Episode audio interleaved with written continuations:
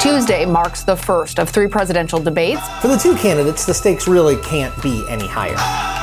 Donald Trump. The president has to find a way to puncture into the former vice president's lead right now. Joe Biden. Folks haven't seen him on the trail quite as much. This is an opportunity for him to define himself, to refocus the message ahead. Welkom bij Björn in de USA. Niet in de vorm die u gewoon bent, wel opnieuw in de Amerika kiest versie. We maken opnieuw een uitstap, omdat er een nieuwe fase is ingegaan in de presidentsverkiezingen. Maar wie er uiteraard wel bij is, dat is onze man ter plekke, Björn Soenes. Hallo. Hallo, dag Thomas.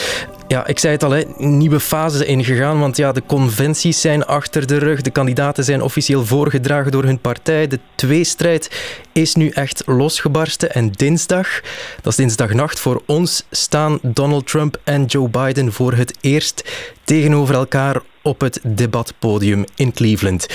Eindelijk zou ik zeggen, Björn. Eindelijk staan die twee tegenover elkaar. Maar het zal een beetje anders zijn dan we begin dit jaar dachten dat het zou geweest zijn. Hè?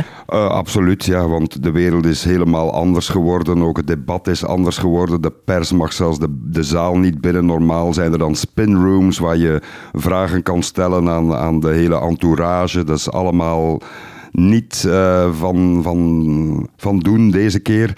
Uh, maar we kijken er wel enorm naar uit. Misschien zelfs meer dan ooit tevoren, omdat we toch met een enorm belangrijke strijd zitten. Iedere vier jaar wordt gezegd: dit is de belangrijkste verkiezing in het leven van uh, de Amerikanen. Maar de meesten zeggen het nu toch wel met veel nadruk.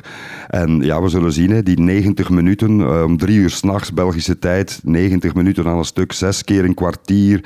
De moderator is Fox journalist, zeer gerespecteerde Fox-journalist Chris Wallace. En die gaat daar vragen stellen over de corona-epidemie, het Hoge Rechtshof, de integriteit van de verkiezing. Nu, nu Trump ook uh, gezegd heeft dat er niet zeker is dat er een, een vlotte machtsoverdracht mogelijk is.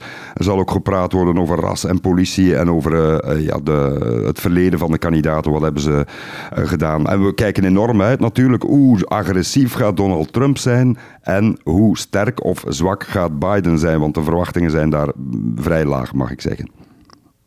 Ja, want dat is het wel. Hè. Um, je zou kunnen zeggen, Donald Trump, dat is een, een, een verbale pletwals. Die is uh, niets ontziend. Um, denk je dat Joe Biden zich daartegen kan staande houden? Wel, uh, er is een hele discussie aan de gang. Uh, Donald Trump probeert Joe Biden voortdurend af te schilderen als iemand die, die een zwakke gezondheid heeft. Nu hebben er dokters gezegd dat Biden eigenlijk gezonder is, want hij is fitter, hij is magerder, hij fietst nog, hij fitness nog. Maar uh, Donald Trump zegt soms, ja, hij, hij wordt wakker gehouden door, door pillen. En hij, hij weet eigenlijk niet dat hij al dood is. He hardly knows he's alive. And I got a debate coming up with this guy. They give him a big fat shot in the ass and he comes out... And for two hours, he's better than ever before. You know. The problem is, what happens after that? Nah, we're going to ask for a drug test. We are. I'd like to have a drug test.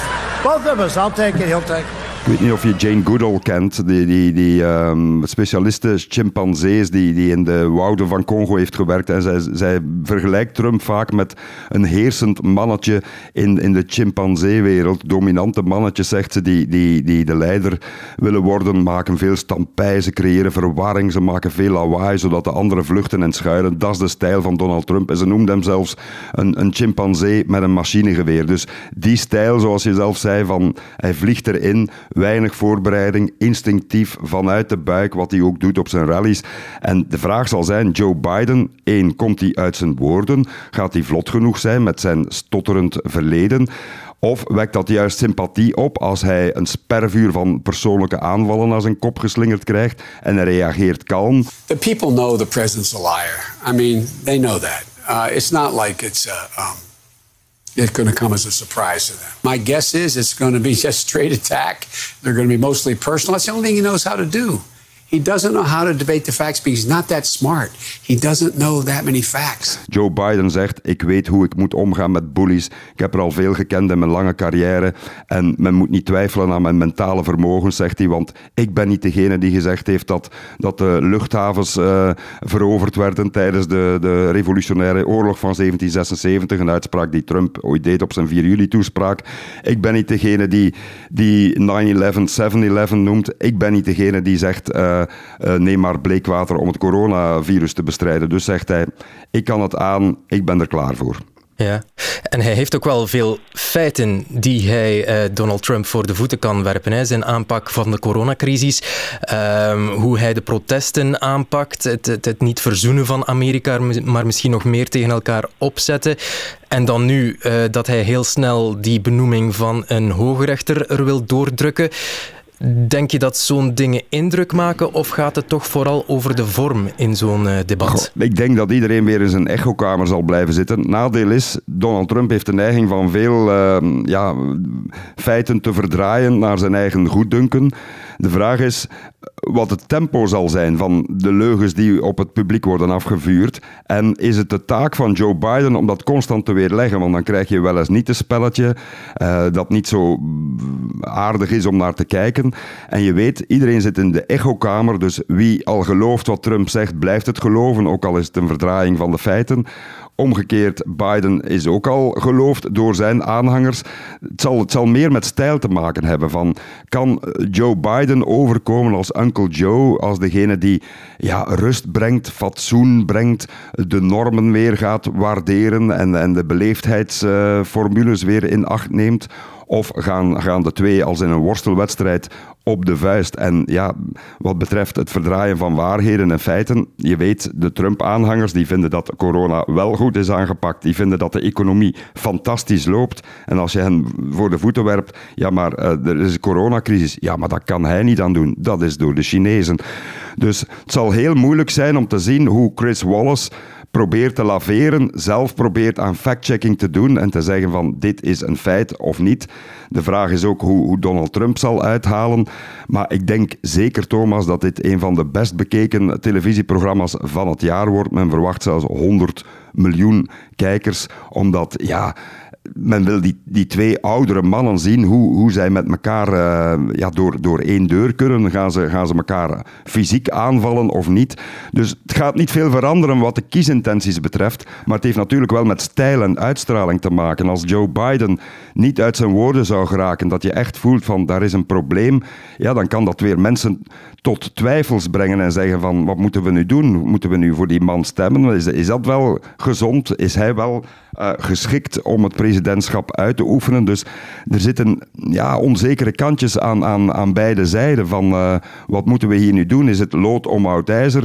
Wie, wie kiezen wij nu hier voor het presidentschap? En moeten we misschien niet thuis blijven om, om, om te zeggen, kijk, uh, geen van de twee keuzes staat ons aan. Dus dat is belangrijk dat in het debat Joe Biden voldoende boven de lage verwachtingen uitkomt, zoals dat ook was met zijn speech toen hij zijn nominatie aanvaarde van zijn beste speech Dat is nog geen briljante speech, maar goed genoeg om uh, ook de mensen die, die Biden zien als de vierde keuze in hun democratische gedachtegoed, om toch te zeggen, ik ga voor hem stemmen, want die Donald Trump moet weg. Dus het zal weinig veranderen, maar 1 of 2 procent uh, variatie kan wel het verschil maken in een, in een uh, misschien wel zeer nipte verkiezing die ik verwacht. Good evening.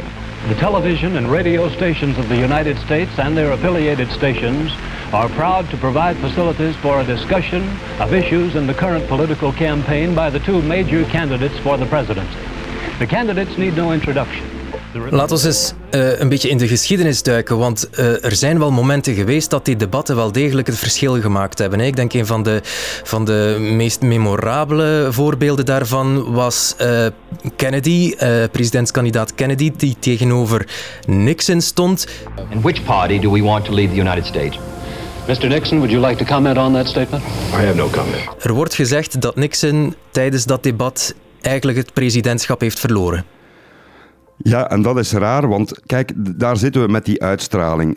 Wie, wie er naar luisterde op de radio, dacht dat Nixon gewonnen had. Dat hij de beste argumenten had, de meeste ervaring. De man was acht jaar vicepresident geweest op jonge leeftijd, was nog maar 39 toen hij vicepresident werd in 1953. Um, Kijk, wie keek op tv zag een Nixon die stond te zweten. Hij wilde amper make-up laten uh, aanbrengen. Hij had daarvoor even in het ziekenhuis gelegen. Hij had heel veel campagne-rallies gedaan soms met uh, vijf toespraken op één avond. Hij was een beetje afgevallen. En Kennedy zag er gezond uit, zag er jong uit. Terwijl, ja, hij was maar een jaar of vier jonger dan Nixon, maar hij leek wel 10, 15 jaar jonger. En de uitstraling ja, was Alles. En eh, mensen hadden het gevoel die op tv keken, daar is onze nieuwe leider. Dit, dit is een man zoals wij ook willen zijn, John F. Kennedy. En dat maakte psychologisch het verschil. En je moet ook die tijd zien. Televisie was nog vrij nieuw. Het was 1960, dat debat. En mensen zagen iets. En ja, de, de, de marketing deed zijn intrede, ook de politieke marketing. En dat heeft de doorslag gegeven, wellicht voor John Kennedy, want het aantal stemmen was vrij miniem. Hè? Uh, het verschil het was 100.000 stemmen op vele tientallen miljoenen in het hele land. Dus dat kan soms de doorslag geven. Nu zijn mensen grootgebracht in een televisietijdperk, YouTube-tijdperk. Het is niet dat ze de kandidaten nog nooit gezien hebben, maar ik denk dat ze vooral ook kijken omdat ze het spannend vinden van we staan voor een enorm belangrijk moment in de geschiedenis. Welke kant gaat het uit? En daarom gaan ze kijken naar die debatten. Niet dat het hun keuze verandert, maar kan hen bevestigen in wat ze al dachten. Zijn er dan geen recentere voorbeelden van debatten die toch een beetje de loop van die race hebben beïnvloed? Goh, ja, kijk, uh, ik denk bijvoorbeeld aan Al Gore tegen George Bush Jr., uh, die, die voor de tweede keer opkwam, en, uh, of de eerste keer opkwam. En Gore was toen de vicepresident geweest van Clinton, en die keek nogal neerbuigend naar Bush. Hij ging zelfs bijna in zijn nek staan blazen. Je ziet dat ook in, in, op beeld. En dat kwam zeer arrogant en neerbuigend over. En George Bush was dan meer de sympathieke, die zo een knikje gaf op zijn Texaans. En, en daardoor ja, sympathie kan wekken. En soms moet je ook kunnen connecteren met, met je publiek en tonen van dat is een gewone mens. Uh, dat was een belangrijk moment. Uh, Bill Clinton die tegen de oude Bush zei van uh, weet jij eigenlijk wel aan, aan de lijve wat dat is, een recessie en hoe, hoe dat in, in je leven voelt. En de oude Bush die niet wist wat te antwoorden. I don't think it's fair to say, uh, you know, whatever it is, that if you haven't been hit by it personally, but everybody's affected by the debt. Uh, McCain uh, heeft het verschil niet gemaakt tegen Obama, maar had een sterk moment toen hij uh, het had over een, een, een, wet die de oliesector be bevoordeelde. En hij keek naar Obama en zei: Hey, all the goodies for the oil companies. You know who voted for it? You might never know. That one. You know who voted against it?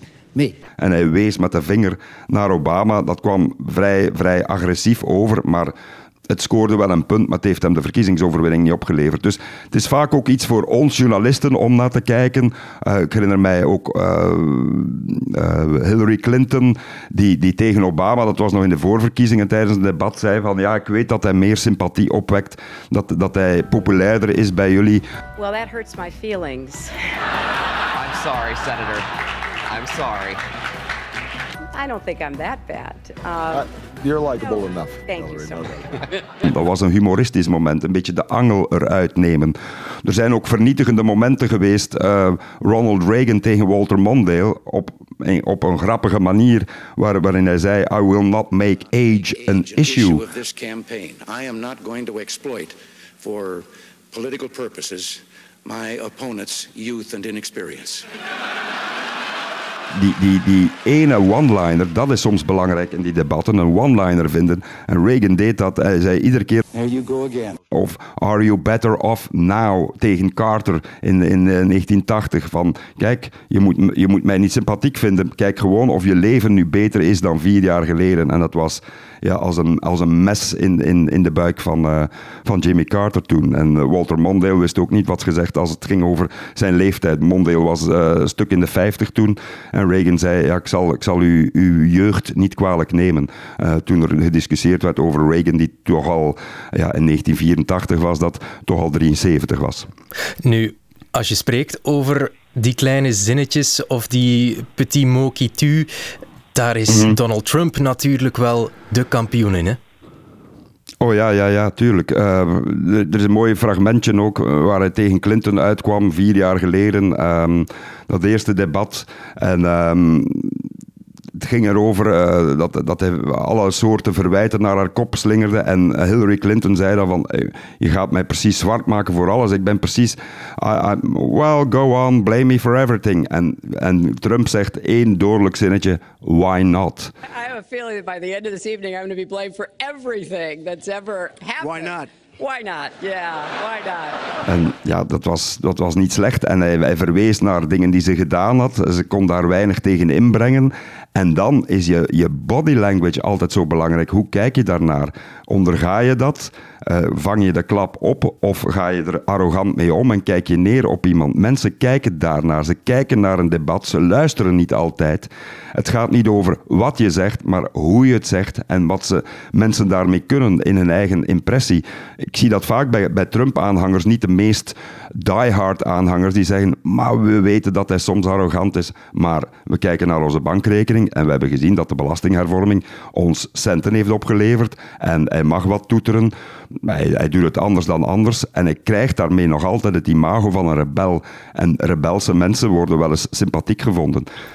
Het zijn alvast heel memorabele verkiezingen, uh, wat er ook gebeurt. Maar we zullen zien of dit ook een uh, memorabel debat wordt dinsdag, dinsdagnacht voor ons. Uh, Björn, jij zal erbij zijn daar in Cleveland. Niet in de zaal dus, maar wel heel dichtbij. Uh, heel dichtbij. Uh, ik zal er waarschijnlijk uh, in de buurt zijn waar andere mensen kijken naar een debat. Maar ik vermoed een kijkcijfertopper van 100 miljoen of meer. En het is ook belangrijk, want er gebeuren rare dingen in het land. Er wordt ook voortdurend gezegd dat de economie teruggebotst naar, naar gouden tijden. Maar overal waar ik ga, zie ik toch wel redelijke ellende en het leven dat half stilvalt. Zeker in steden waar de helft van de zaken niet open is, dingen failliet zijn, dichtgetimmerd staan. Dus er is, um, het is een belangrijke verkiezing, Thomas, en anders dan alle andere jaren. En er hangt veel vanaf. Um, eindelijk staan ze tegenover elkaar, Donald Trump en Joe Biden, dinsdagnacht dus. Björn, dankjewel en tot binnenkort. Dag Thomas, tot snel.